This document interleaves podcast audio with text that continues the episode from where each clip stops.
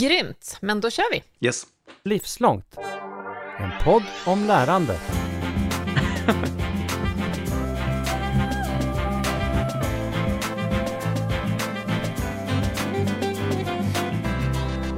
Jag är ju då både ljud och musiknörd. Det kan ha framgått här i Livslångt, eventuellt tidigare om man är en trogen lyssnare. Men jag älskar att lyssna.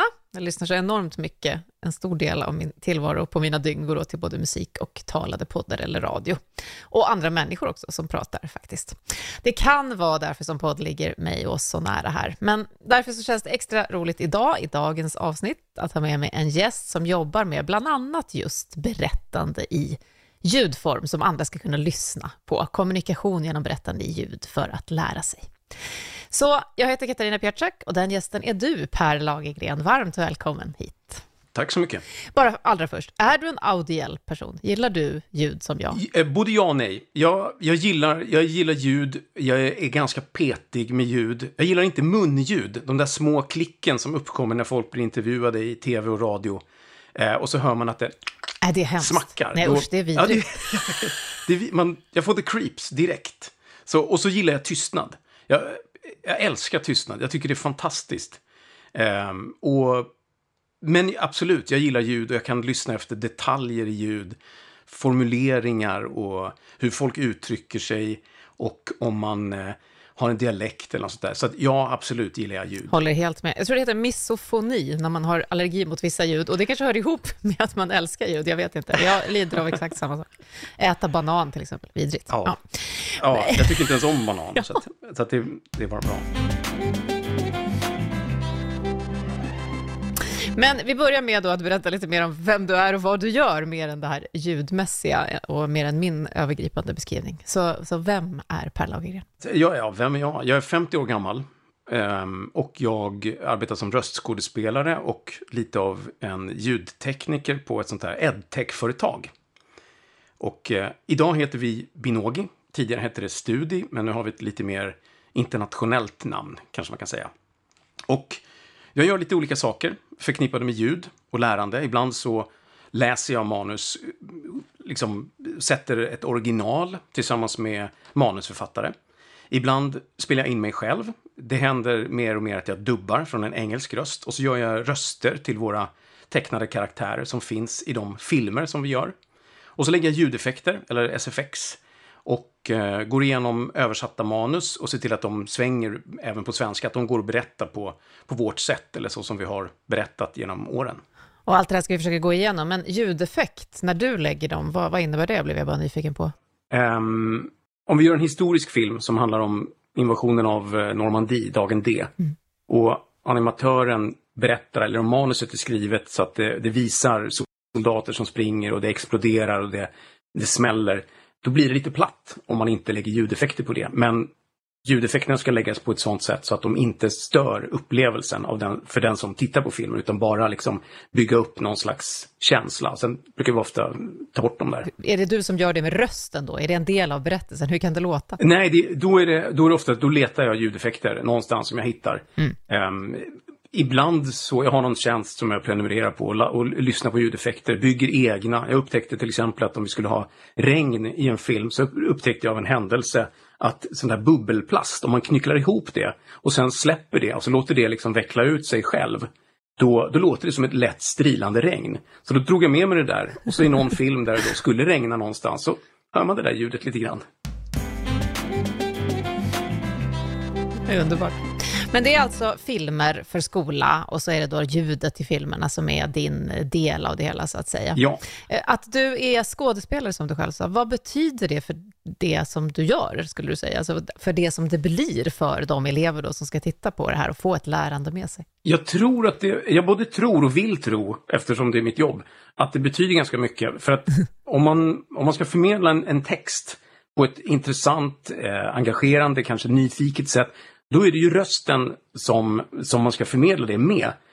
Eh, är texten intressant? Är den engagerande? Är det något du var nyfiken på? Allt det måste jag försöka förmedla till min, med min röst. Och då är det ganska bra om man har erfarenhet att hantera skriven text. Att, att till exempel våga göra en paus, våga viska, kanske variera tempot, ibland går det fort, ibland går det långsamt, att trycka på rätt ord. Och allt det här i slutändan handlar ju om att förmedla rätt sak. Och det här är ju det som lärs ut på, på teaterhögskolor, att hantera sig själv som, som verktyg. Om man, om man bara tittar på ett nej, det kan sägas på så många olika sätt. Det kan vara ett nej, det kan vara nej. Och det kan vara nej. Det är ju vad undertexten innebär. Ja. Det som man försöker förmedla fast man har bara en liten replik på sig. Därför tror jag att det är ganska bra att man ja, har några former av skådespelar erfarenheter. Jag hör ju det på dig när du börjar betona de här orden på olika sätt, så, så hör man ju det här. Jag känner också igen det då från radiotiden, där vi inte som scenskådespelare, men ändå jobbade en hel del med, med intonation och betoningar och så. Ja. Och vi, jag tänkte vi ska borra lite i det, men mm. Studie eller Binogi som du då nämnde att det heter numera, mm. hur, hur kan du beskriva den tjänsten, mer än att det är filmer som ska hjälpa elever att lära sig? Hur vill man bidra till det här lärandet från er? Det kortaste och enklaste svaret skulle nog vara att vi vill att det ska vara roligt att lära sig. Det var så de som startade det här företaget 2011 tyckte att undervisning borde vara. Det borde vara roligare, det borde vara mer stimulerande, kanske lite mer lättillgängligt. Om inte som hel skolning så som ett komplement. Det var lite så det började. De som startade det här företaget, de hade ganska nyligen eh, eh gått ut gymnasiet och tyckte liksom att det saknades någonting. Det var liksom inte roligt att lära sig. Och lite grann så började det. Dels så fanns det inte liksom, digitala läromedel då för 11 år sedan var inte alls lika många som de är idag. Så att dels så var det liksom nyheten så att så här kan man göra. Men det går ju också att komprimera saker i ett, i ett videoformat. Um, det är om man pratar om själva filmerna. Sen är ju hela, hela sajten är ju en, en sajt för, för elever och för lärare där lärare kan följa elevers, eh, vad ska man säga, elevers utveckling eller man kan dela ut läxor och titta om har en elev tittat på just den här filmen. Eh, och så kan man följa och upptäcker man till exempel att eleverna har alla fastnat på samma fråga. Varför heter atom atom? Ja, men då kanske man stannar upp där och så går man in och pratar om den grejen. Och då, men då kommer man också in lite på det här med, med storytelling eller berättande. Att det är inga problem för oss att förflytta oss från jorden ut i rymden och rätt in i jordens medelpunkt. Det är fiktion. Men mm. det gör ju också att man kan fånga någons uppmärksamhet på ett sätt som, som man inte kan göra i ett klassrum eftersom man är begränsad i tid och rum. Men det här är på låtsas, fast på riktigt. Så att då kan man hoppa mellan olika miljöer. Det är vinter i Sverige. Snön ligger som ett vitt fluffigt täcke över landskapet. Här kommer tjejer i vita kläder med ljus i händerna och sjunger. Vad gör de? Går de i sömnen? Nej, det här är början av ett typiskt svenskt Lucia-tåg. Tyst det är i husen, tyst i husen nu för tiden är det vanligt att man också stoppar in andra figurer i Lucia-tåget. Som tomtar och pepparkaksgubbar. Eller pepparkaksgummor. Lucia-firande är en tradition som fortsätter att förändras. På en del skolor har man till exempel flera lucior eller en manlig lucia.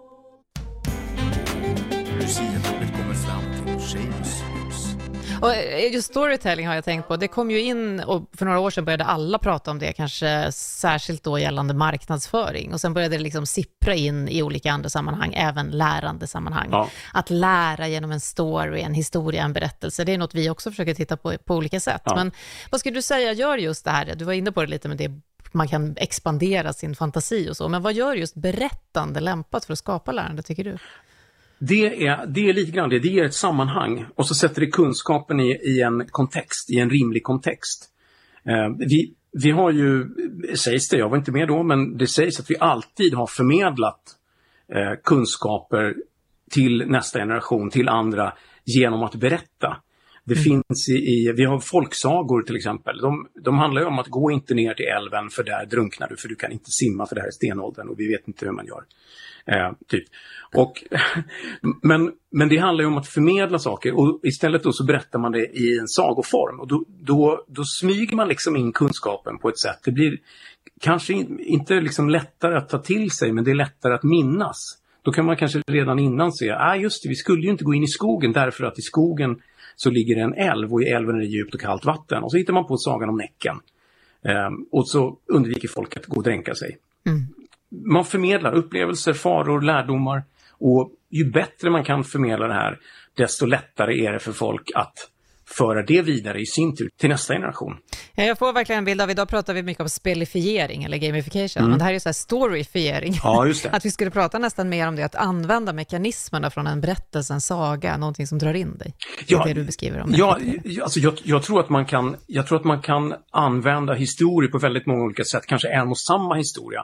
Um, om man skulle ta någon, vad heter den här, ja men berättelsen om Näcken. Den går säkert att vrida och vända på och analysera utifrån en massa olika perspektiv beroende på vad man vill ska förmedlas. Mm. Um, och, men jag tror att sammanhanget är viktigt också och det, det kan vi genom våra filmer så tänker vi att man kan, då kan man sätta ett sammanhang som är något som en elev kan identifiera sig med och, och se, alltså, vi kanske målar upp en situation i skola till exempel. Och så ser vi våra karaktärer och så hoppsan så börjar de bråka med varandra. Det där känner nog de flesta igen och då är man också mer benägen att ta till sig historien. Mm. Om det handlar om vuxna som går till jobbet på en vanlig dag och måste sitta med HR-chefen och prata, då det är inte aktuellt för, för elever. Då tycker de bara, vad är det här? Man ska lyssna på det här. Så att, att sätta det i rätt kontext är nog, eh, tror jag, är, är fördelen med att, eh, att arbeta med storytelling. Plus att man har möjligheten att göra saker lite roligare. Har man hittat ett, ett, ett språk eller ett metaspråk, då kan man, då kan man ju latcha med det. Latcha med fiktionen liksom. Uh, vi, har någon, vi har någon film där om påsk till exempel där berättaren blir bortrövad i slutet av, av eh, uh, sådana här vad heter det, påskkärringar som kommer gående. Mm. Bara för att det är kul liksom. Eh, har man berättat om att det var så man trodde och det var därför man gick påskkärring för länge sedan och fick man inte godis, ja då blir man bortrövad. Då måste ju berättaren bli bortrövad på slutet. Att, Självklart. Ja, och dessutom så är det det om man minns det, om man minns något som är roligt, eh, då är man ju väl, tror jag, ganska mer benägen att, att göra det igen. Jag, jag, jag började med en annan grej, jag började med spinning av samma anledning. Jag höll inte på med någon träning min fru höll på med spinning och så, då tänkte jag att då, då lägger jag min nivå på absolut noll. Därför att jag ville att när jag går därifrån så ska jag tycka att det här var inte så jobbigt. Jag kan det här. Det här är inte så jobbigt. Ja. Vilket gör att jag nästa gång tänker att ja just det, jag minns ju att jag inte tyckte att det var så jobbigt sist. Och så vips så börjar man liksom förändra. Och nu går jag på spinning. Mm, välkänt ja. Eh, trick för att komma igång med träning faktiskt. Ja. Jag har börjat springa på samma sätt. Ja. Men det, det, är ju fascinerande och det du beskriver, är ju, jag känner igen väldigt mycket av det där, att hur kan vi liksom sätta saker i en kontext? Jag blir för övrigt väldigt sugen på att du skulle göra en berättelse om att möta hårchefen, det kanske vi kan ta ett annat Det tar vi ett annat. Men det är väldigt trevligt. Ja, Om du då ska skapa den här berättelsen, mm. du var inne på det lite innan, att det är ju ett långt förarbete då för att tills det blir det här som sen möter den som ska lära sig. Mm. Hur, hur, gör du konkret en berättelse som får folk att vilja, kunna lyssna, tycka att det är kul och lära? Det allra enklaste är att jag tar manuset som jag får och så läser jag det. Eh, men men det, det, är inte jag som skriver manusen, vi har manusförfattare som, som skriver dem. Och innehållet i de här, de, det måste ju han, det måste liksom lämnas över till mig vid något tillfälle. Så vi har ju, vi har och gör sådana här genomläsningar där, där manusförfattaren får förklara. Är det någonting som jag inte förstår till exempel, då, då kan jag inte riktigt förmedla det. Jag måste någonstans ha ett hum om vad det är jag förmedlar. Um, så att det brukar ofta börja där. Vi läser igenom manuset och så kollar vi på vad det ska handla om. Är det matematik, eh, fysik, kemi till exempel? Då, då är det kanske viktigt att det inte går för fort och då är det lika bra att sätta ramen för det vid en sån här genomläsning. Um, för att mottagaren ska ju i nästa steg hänga med i alla svängarna. Om det är komplicerade uträkningar då går det inte att dra på för att då missar vi liksom de som kanske inte riktigt hänger med, de som inte tycker att matte är kul. Och mm. om du inte förstår, ja men då tappar du fokus. Så vi försöker vinnlägga oss om att man ska förstå genom våra filmer och då, då redan då sätts liksom ett, ett tempo. Eller så kan man också kanske peta in något i manuset som man upptäcker, ja men det här är lite kul. Vi, vi låter någon av våra karaktärer säga emot här eller vägra göra någonting så att man får lite motstånd så att eleven också kan dra lite på munnen och tycka, ja det var ju lite kul. Kanske inte derivatan i sig, men hela sammanhanget. Ja. Och det är när du får då ett manus av någon annan, för det händer ju även mig och jag får också ofta frågor om hur ska vi skriva för att sen då kunna berätta, att det ska låta naturligt, att det ska rikta sig till en person som kan ta emot det och sådär. Mm. Hur skulle du beskriva den konsten, om jag får kalla det det? För det är ju många som skriver och kanske inte har i sitt liksom, sinne det här tredje örat, hur kommer det här låta? Vad är dina erfarenheter? Nu har, nu har jag jobbat ganska många år med, med de, några av de här manusförfattarna. Så att nu så, åtminstone några säger att men vi skriver ju, då tänker vi på hur du läser manuset. Mm. Det är liksom, blir min röst som de hör. Um, det, är väl, det är väl det första, men sen, jag brukar nog tänka så att jag attackerar manuset som om jag vet exakt vad det handlar om. uh, och det gör jag ganska sällan. Och då blir jag också förvånad och kan tycka så om det här är ju fascinerande. Varför visste inte jag det här? Varför har jag glömt det här? Och då försöker jag ta med den känslan. Så om man kommer till någonstans i ett manus där, eh, där liksom det är tänkt att tittaren ska få en insikt. Då försöker jag förmedla den insikten. Det kan ju komma, till, komma till svaret om två uträkningar handlar om blir samma sak i slutändan. Att jag då försöker förmedla det genom att säga och, och, och här ser vi att svaret blir också 38. Ja. Då har jag ju liksom, aha, då har man ju liksom kopplat ihop det där. Ja just det, bägge två blir det här.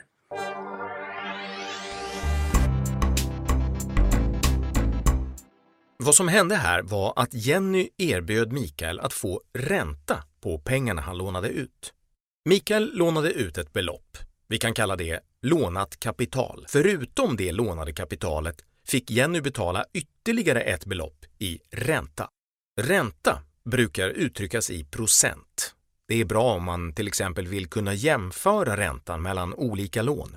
Då gör vi så här. Vi tar räntebeloppet dividerat med kapitalbeloppet. Uttryck det som procent så har du räntesatsen. Men i, så att jag, jag skulle nog säga att jag, mitt, mitt, sätt, mitt angreppssätt är dyk rätt in i det här och läs som om jag vet exakt vad jag pratar om.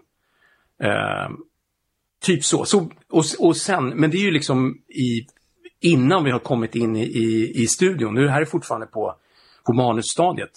Sen brukar de, och så brukar jag plocka bort små ord, sådana här skriftspråkliga ord och försöker få dem mer talspråkliga. Um. Och blir inte och, utan det blir o. Um, att kan också bli a, eller o. Uh, DE som, som dom. Det blir, Precis, ja, dom. Jag skulle ja, just säga det. Det där. Nej, det heter inte det där. Det heter mm. dom där.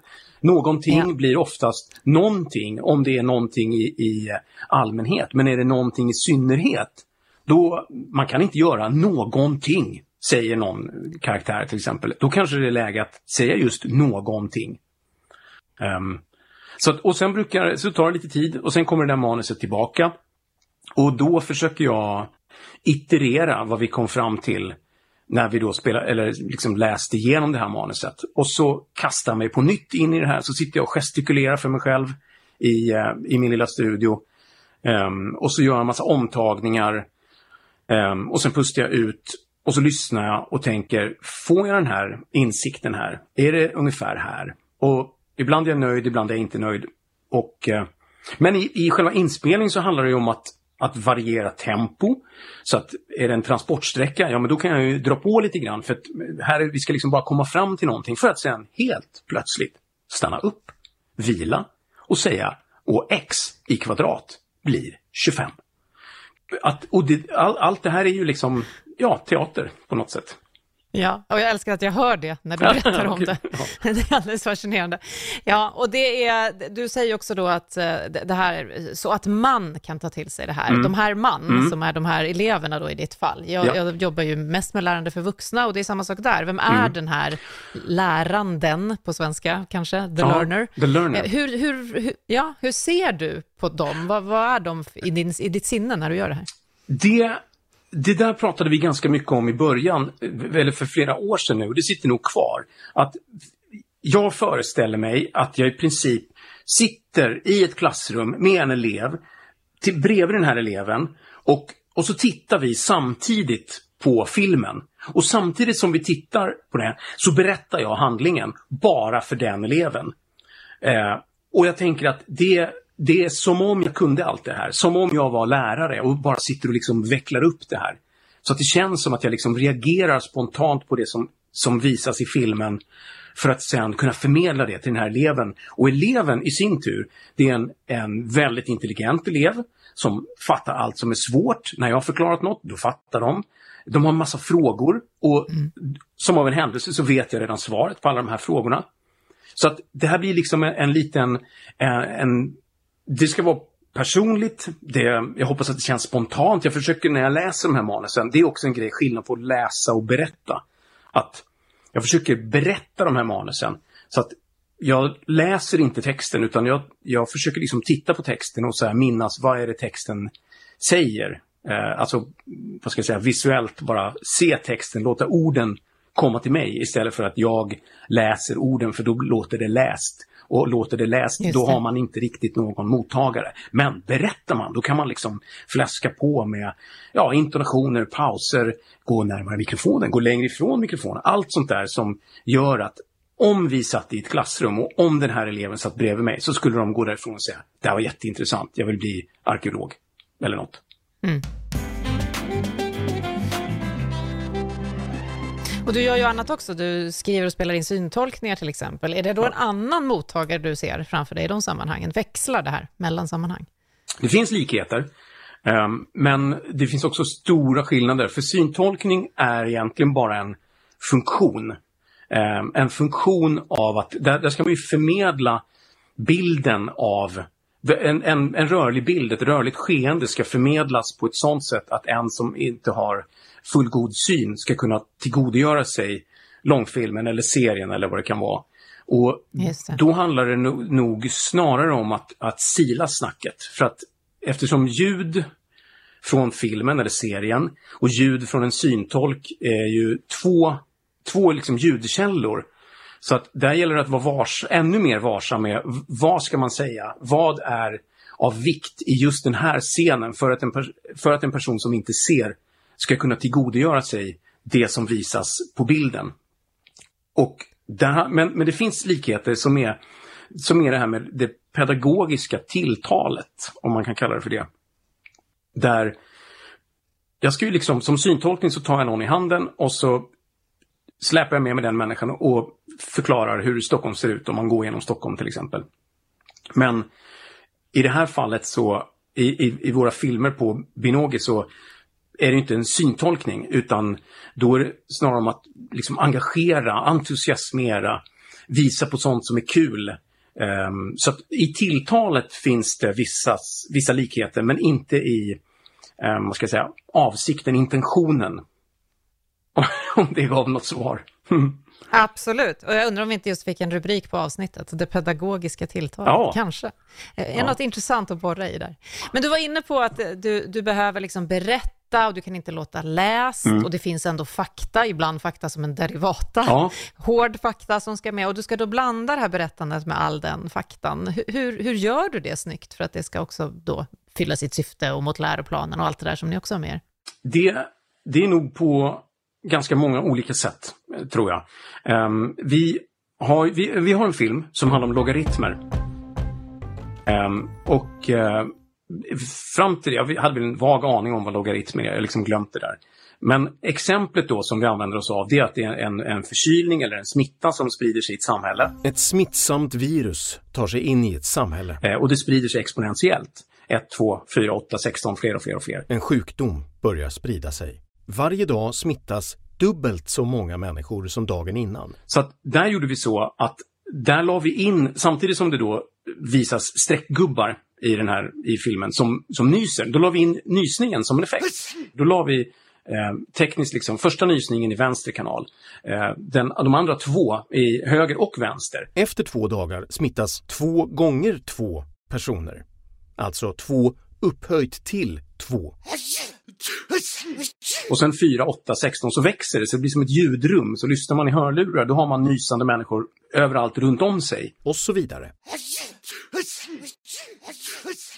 Dubbelt så många nya smittade varje dag. Eh, och då får vi ju in Dels så får vi in fakta. Det, ja, men manuset var ju skrivet så, men sen hittar vi på det här med ljudeffekterna. Så att man för, vi försöker väl liksom Eh, lätta upp återigen den här med kontexten, sammanhanget. Att vi blandar berättande med fakta. Det bör, kan ju börja till exempel som eh, i en stad någonstans i världen så sprider sig plötsligt en smitta. Då har vi skapat lite spänning. Och så berättar man om vad som händer och då har vi illustrerat ett exempel. Sen kan vi gå in på konkreta fakta och förklara, så här funkar någonting som funkar eh, logaritmiskt. Och så berättar vi hur det sprider sig. Och sen kommer vi tillbaka till det i slutet. Och naturligtvis då, då eftersom smittan är runt omkring den som berättar. Alltså är bas 3-logaritmen av 81 lika med 4. Jaha, då blir jag smittad också. Då måste berättaren bli förkyld själv. Och det, Sjuk. Ja, och det slutar så. Vi, vi kom på det. Jag, jag, han som skrev det här manuset, han var lite tveksam. Men så sa jag bara, "Men jag måste få testa att göra en grej. Så jag gör världens nysning och liksom slår till mikrofonen och trillar av stolen in i studion. Och så pratar jag så, här, du vet, det bara är jätteförkyld. Oj, nu blir jag också smittad. Och så, för att också, ja men bara visa på att, att, att eh, ja, ingen kommer undan en, en smitta, man ska säga. Det finns fler exempel. Kör på. Ja. Ehm, jo, men det, det, det är den här filmen om pornografi. Som det, hela sex och samlevnadsdelen i skolan har har liksom kommit in i läroplanen på ett nytt sätt. Och där tycker jag att han som skrev det, han hittade liksom en genialisk eh, ingång till den här filmen. År 79 i nuvarande Italien. Vulkanen Vesuvius får ett utbrott. Städerna Pompeji och Herculaneum begravs i aska. För det, det, börjar, det börjar på någon helt annanstans. Och det roliga med det är ju att om man tänker sig att det är en, en klass som kanske går i sjuan och så ska de titta på den här filmen och så säger läraren att ja, nästa vecka ska vi prata om sex och samtycke. Då fnissas det ganska mycket, det blir ganska pinsamt. Ja. Och så kommer den här måndagen, alla eleverna sätter sig och så säger läraren, nu ska vi prata om pornografi. För det första så vet nog alla vad det handlar om idag eftersom det finns överallt på internet. Men det som också händer är att det uppstår ju en, en stor förväntan i det här klassrummet. Eh, och då börjar den här filmen år 79 i Italien med ett utbrott. Det är den. Det är den. Det är den. Jag har Ja. sett den, men jag hade ingen aning om att den handlade om det. Nej, och det, det är fan, jag, alltså jag tycker att det är, så, det är så bra för att man tänker sig elevernas förväntan också. Nu, nu, ska, nu, nu blir det pornografi, jävlar, nu blir det spännande här.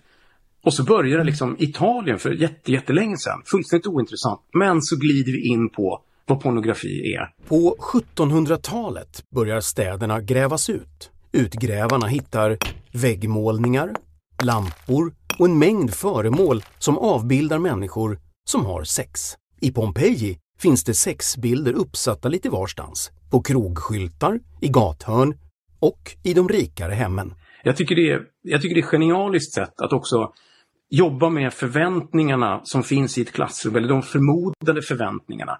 Och jobba med, eller elevens förväntan, vad ska det här handla om? Och så påstår vi att det handlar om någonting och sen kommer vi tillbaka. Så har man liksom lurat in åskådaren i, i um, vad det ska handla om. Och sen, är, sen handlar filmen om pornografi, vad det är för någonting. Ja, du skickade ju den till mig och sa, titta bara på de 20 första sekunderna. Jag förstår nu att det var en, en fälla. Ja, Eftersom det- det... var omöjligt att förstå att det var det. Exakt! Det finns många olika åsikter om pornografi. Men en sak är säker. Människan har skildrat sex i tusentals år. Troligtvis kommer vi att göra det även i framtiden.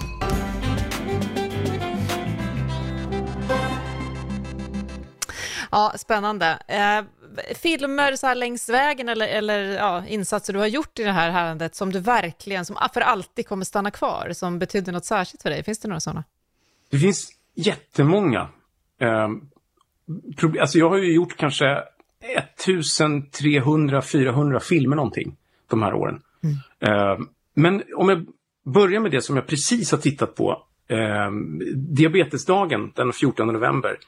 Ehm, vi har precis gjort tre filmer om diabetes. Vi hade en, men så var det en, som, en lärare som hörde av sig och hade synpunkter och så bestämde vi oss att nej, den här läraren, eller om det var en lärare, har rätt. Det, det innehåller tveksamheter. Vi gjorde tre filmer istället om diabetes. Så att jag har läst om diabetes från tre olika perspektiv. Så nu känner jag mig som att jag kan allt om diabetes och fattar om socker och hypoglykemi och hyperglykemi och de här skillnaderna.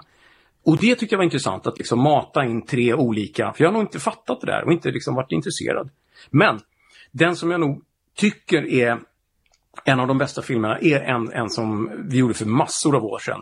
Som handlar om pi, konstanten pi, 3,1415 och så vidare. Mm.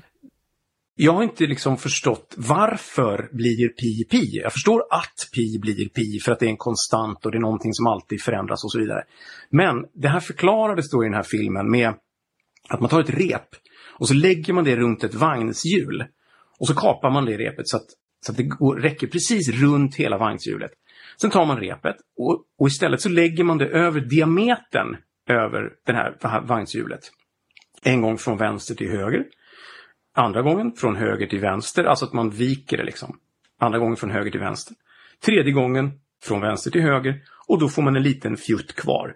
Tre gånger 3,14. Då förstår jag liksom sammanhanget eller, eller helheten med hur den här koden, eller vad man ska säga, sifferföljden utvecklas. Ja, det går att, det går att liksom vika det här snöret 3,14 gånger fram och tillbaka över. Och då blir det mm. fullständigt solklart.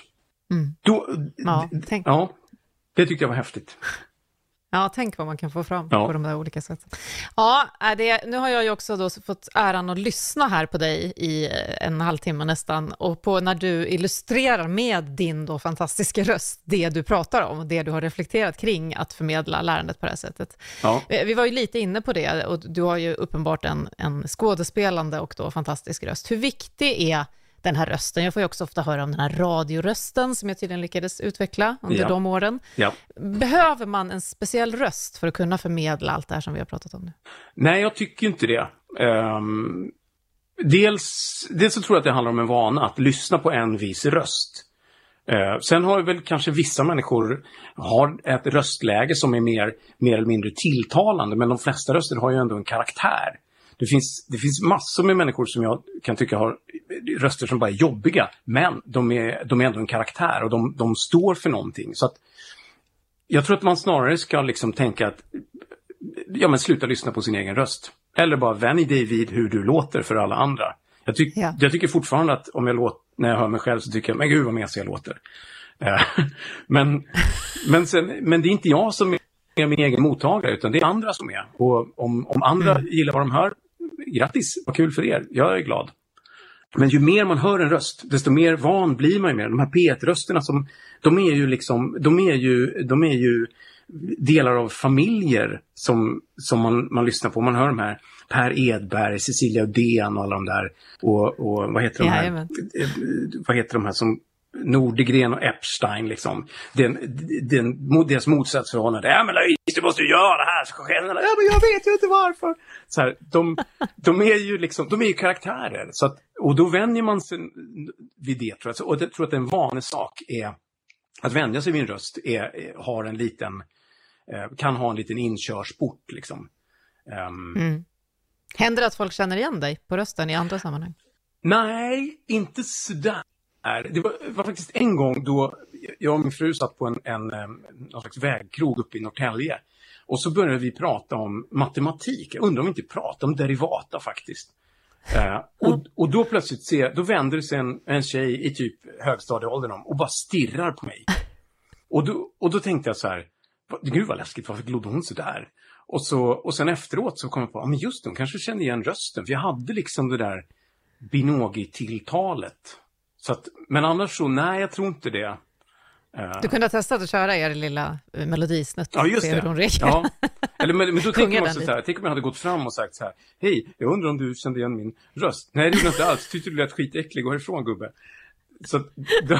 ja, det kan vara risky. Ja, det är lite risky, tror jag. Ja, det hände mig faktiskt senast igår. Det var väldigt länge sedan, eftersom det var länge sedan jag slutade på radion. Men då hände det just att det var någon som sa, är inte det här? så jag förstår att det skulle kunna vara så. Ja, det är lite häftigt. Det är lite imponerande att folk kan känna igen röster på det sättet. Verkligen. Och tyder på det du sa. Det blir någon slags familjärt. Det kanske var någon, jo det var någon som hade arbetspendlat precis under de åren då jag sände ah. mycket morgnar i P1. Just och då det. blev det så. Mm. Ja. Mm. Men du, en följdfråga som eh, jag kanske borde ställt alldeles nyss, men du berättade om de här diabetesfilmerna och att du har lärt dig så mycket saker som du inte tänker på. Allt det här som du har gjort, eh, hur skulle du beskriva ditt eget lärande genom det? Vad, vad har det inneburit för dig? Ehm, det, mitt eget lärande har nog framförallt eh, fått mig att inse hur lite jag minns från, från skolan. Skolan. Ja, men det, det är lite så, någonstans, så om jag hade lärt mig allt det som jag skulle ha lärt mig när jag gick i skolan, eh, då tror jag inte, då hade inte jag jobbat med det jag jobbar med idag, för då hade jag jobbat med något som har att göra med det, egentligen. Så att det, jag tror snarare att det är en förutsättning. Men sen är det sån, det är sån otrolig eh, mängd text som far igenom. Jag har gjort ett annat jobb un- under många år, spelat in Forskning och framsteg som, en- som en ljudtidning. Eh, och det är ju liksom, det är ju akademiska texter, välskrivna, samtidigt ganska svåra ämnen. Och där tänkte jag också så här att mycket har nog hamnat, om man kan jämföra med, med en dator, så har det nog hamnat i mitt ramminne en liten stund. Men ganska få saker har liksom gått ner till hårddisken. Ehm, men det, vad det gör är ju att det som du har gjort med mig är att jag, jag blir väldigt fascinerad fortfarande över saker. Om jag får ett manus av Olaf eller Fredrik eh, och, och tar det och så har de förklarat hur någonting funkar, hur någonting händer, så kan jag bli helt hänförd över ett, att de har den här kunskapen och de har två, satt ihop det på ett sätt som gör att, att jag, blir, jag vill bara gå in och läsa in det för att det är så här, jag vill bara ha den här texten i mig och förmedla den. Jag har nog både lärt mig saker men också inte lärt mig saker. Och, och det är faktiskt inte mitt jobb egentligen att jag ska lära mig. Jag ska förmedla att det är kul att lära sig saker. Eh, tycker jag nog. Men den, det engagemanget, den entusiasmen, den viljan att berätta tänker jag också är en väldigt viktig ingrediens förstås i det. Så det, det du känner i ramminnet är av betydelse om jag Absolut. får gissa. Ja. Och det, jag kan ju lite, lite synd att jag inte har att jag, inte, minns mer av vad jag... Men det är ganska många texter. Jag har lärt mig mycket om ljudredigering. Har jag också gjort.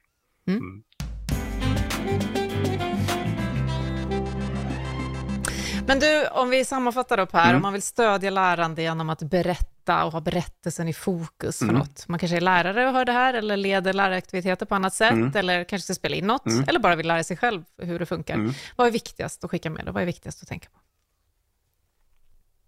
Ett är ju kör. Gör det. Gör det fullt ut. Um, särskilt om man ska spela in sig själv. Det, det, ja, men någonstans så finns det någon sån här mikrofonvana och allt det där. Och liksom, jag tror att om man ska komma över sin egen, det som måste, om man ska spela in sig själv, inte vara för hård mot sig själv och sin egen röst. Man låter som man låter, så är det bara. Det är inte så mycket att göra åt. Um, och sen tror jag berättelser, de kan man titta på ur olika perspektiv. Det tror jag nämnde förut, att man kan vrida och vända på dem och tolka dem. En, en berättelse kan användas till, eh, till flera olika, för flera olika ändamål. Och sen tror jag också att ge plats för publiken. Låt dem, låt dem komma in i, i din berättelse. Det kanske inte måste vara helgjutet. A leder alltid till B som leder till C som leder till D och så vidare. För då får man inget utrymme som publik. Man kanske kan hoppa över vissa delar. A leder till B och sen plötsligt kom G, sen H, I och så vidare. Så att det, det nu kommer jag faktiskt att tänka på en, eh, en sån här episod, apropå publiken. Vi, jag jobbade på Västanå teater för kanske 20 år sedan och vi spelade Herr Arnes penningar. Eh, och vi berättade på scenen med skådespelare hur eh, hon, karaktären Elsa Lill, hur hon dör och sen så försvinner hon till någon slags dödsrike eller något sånt där. Och då kom det fram en liten tant och så sa hon så här, Åh, vad fin, jättefin berättelse ni gjorde här. Vad fint det var när ni bar ut Elsa Lill. Och vi tackar så mycket. Och så här, ja, det var, vad fint att du gillade föreställningen. Och så stack vi. Och sen var det någon som började fundera över, så här, vad då bar ut Elsa Lill? Det var ju ingen som bar ut Elsa Lill. Vad fan har hon sett för berättelse? Men i, vem är det? Det är en gammal svartvit film. Stumfilm. Och där bär de ut Elsa Lill. Och då blir det intressant. För då, då tror jag att vad vi gjorde, vi gav henne bara nycklarna till att hennes egen fantasi skulle stimuleras igång. Liksom. Det. Om det var hennes behållning, toppen. Vi har berättat något, hon har tolkat det på ett annat sätt. Och eftersom vi tar av elevernas tid så då måste vi ge, ge någonting tillbaka till publiken. Men vi kan inte kontrollera vad det är de får tillbaka. Vi kan bara göra vårt bästa för att eleverna ska få ett sammanhang att stoppa in det vi försöker förmedla i någon slags större, mm, vad ska man säga, större sammanhang. Hoppas att de tycker att, att filmen är kul. Så att de tittar på nästa och kanske lär sig mer. Lite låter det som att där har vi också en stor del av bryggan från kultursektorn som vi inledde med, att du faktiskt kommer därifrån. För det är ju lite så kultur fungerar. Du styr inte upplevelsen helt, men Nej. hoppas att den ska ge något. Ja, men, men, men sen också en, ett konkret, en konkret grej. Om man ska läsa och berätta högt för en klass, läs högt. Läs alla sorters texter högt för dig själv. För då vänjer man sig vid att hantera språket som, Ja. som, ehm, som instrument. Erövra språket, som någon sa för, för många år sedan till mig. Underbart. Per Lagergren, det här, vi hade lite tekniskt strul i början och då slog du av din kamera. Och det här är första gången som jag har gjort en inspelning där jag har känt att det är fantastiskt att bara lyssna på en röst vad och inte se den Ja. jag pratar. Så det kanske till och med var bra och till vår fördel. Stort tack för att du kom hit till Livslångt och berättade om röstens och berättelsens betydelse i lärande. Tack så mycket.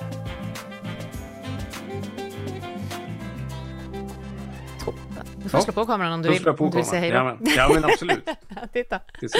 Ja, jag tänkte. Det är roligt också att vi båda är vana vid eh, just ljud så att det inte gör så mycket. Ah, okej. Nej, det, någonstans så är det ju det, det, det är det här med de här digitala. Jag tycker det är fantastiskt att det har dykt upp så många digitala verktyg och sådär. Men jag kan också bli ganska trött på, för det är så lätt att man hamnar i... Titta på sig själv. Titta på sig själv. Att, alltså, att inte se sig själv. För helt plötsligt så märker jag så här, hur jag gestikulerar. Liksom. Det, jag sitter jättemycket och gestikulerar. Oh, det här och varför och händer det där. Och hade jag sett det nu, då hade jag nog blivit ganska tagit ner och försökt att liksom använda det här lilla, lilla smala mediautrymmet till, till eh, ja, jag, du ser, jag kommer att ha mig direkt. Ja, Ja. kanske är ett tips det också då. Titta inte på dig Titta själv. inte på dig själv. Nej. Ja, men så himla mycket tack. Så roligt att du hängde på Ja, vår det idé. var jätteroligt. Det var kul att, Ja, vad kul. formulera för mig själv vad det är jag faktiskt gör. Det, var, det har jag inte gjort på det länge. verkligen. Tack så hemskt mycket, det var jättekul. Ja, Ja, tack själv och ha en fin helg. tack detsamma. Bra. Hej då. Hej då. Hej. Du har just hört Livslångt, en podd från RISE om allt det där man lär sig i livet. Vi hörs om en vecka igen.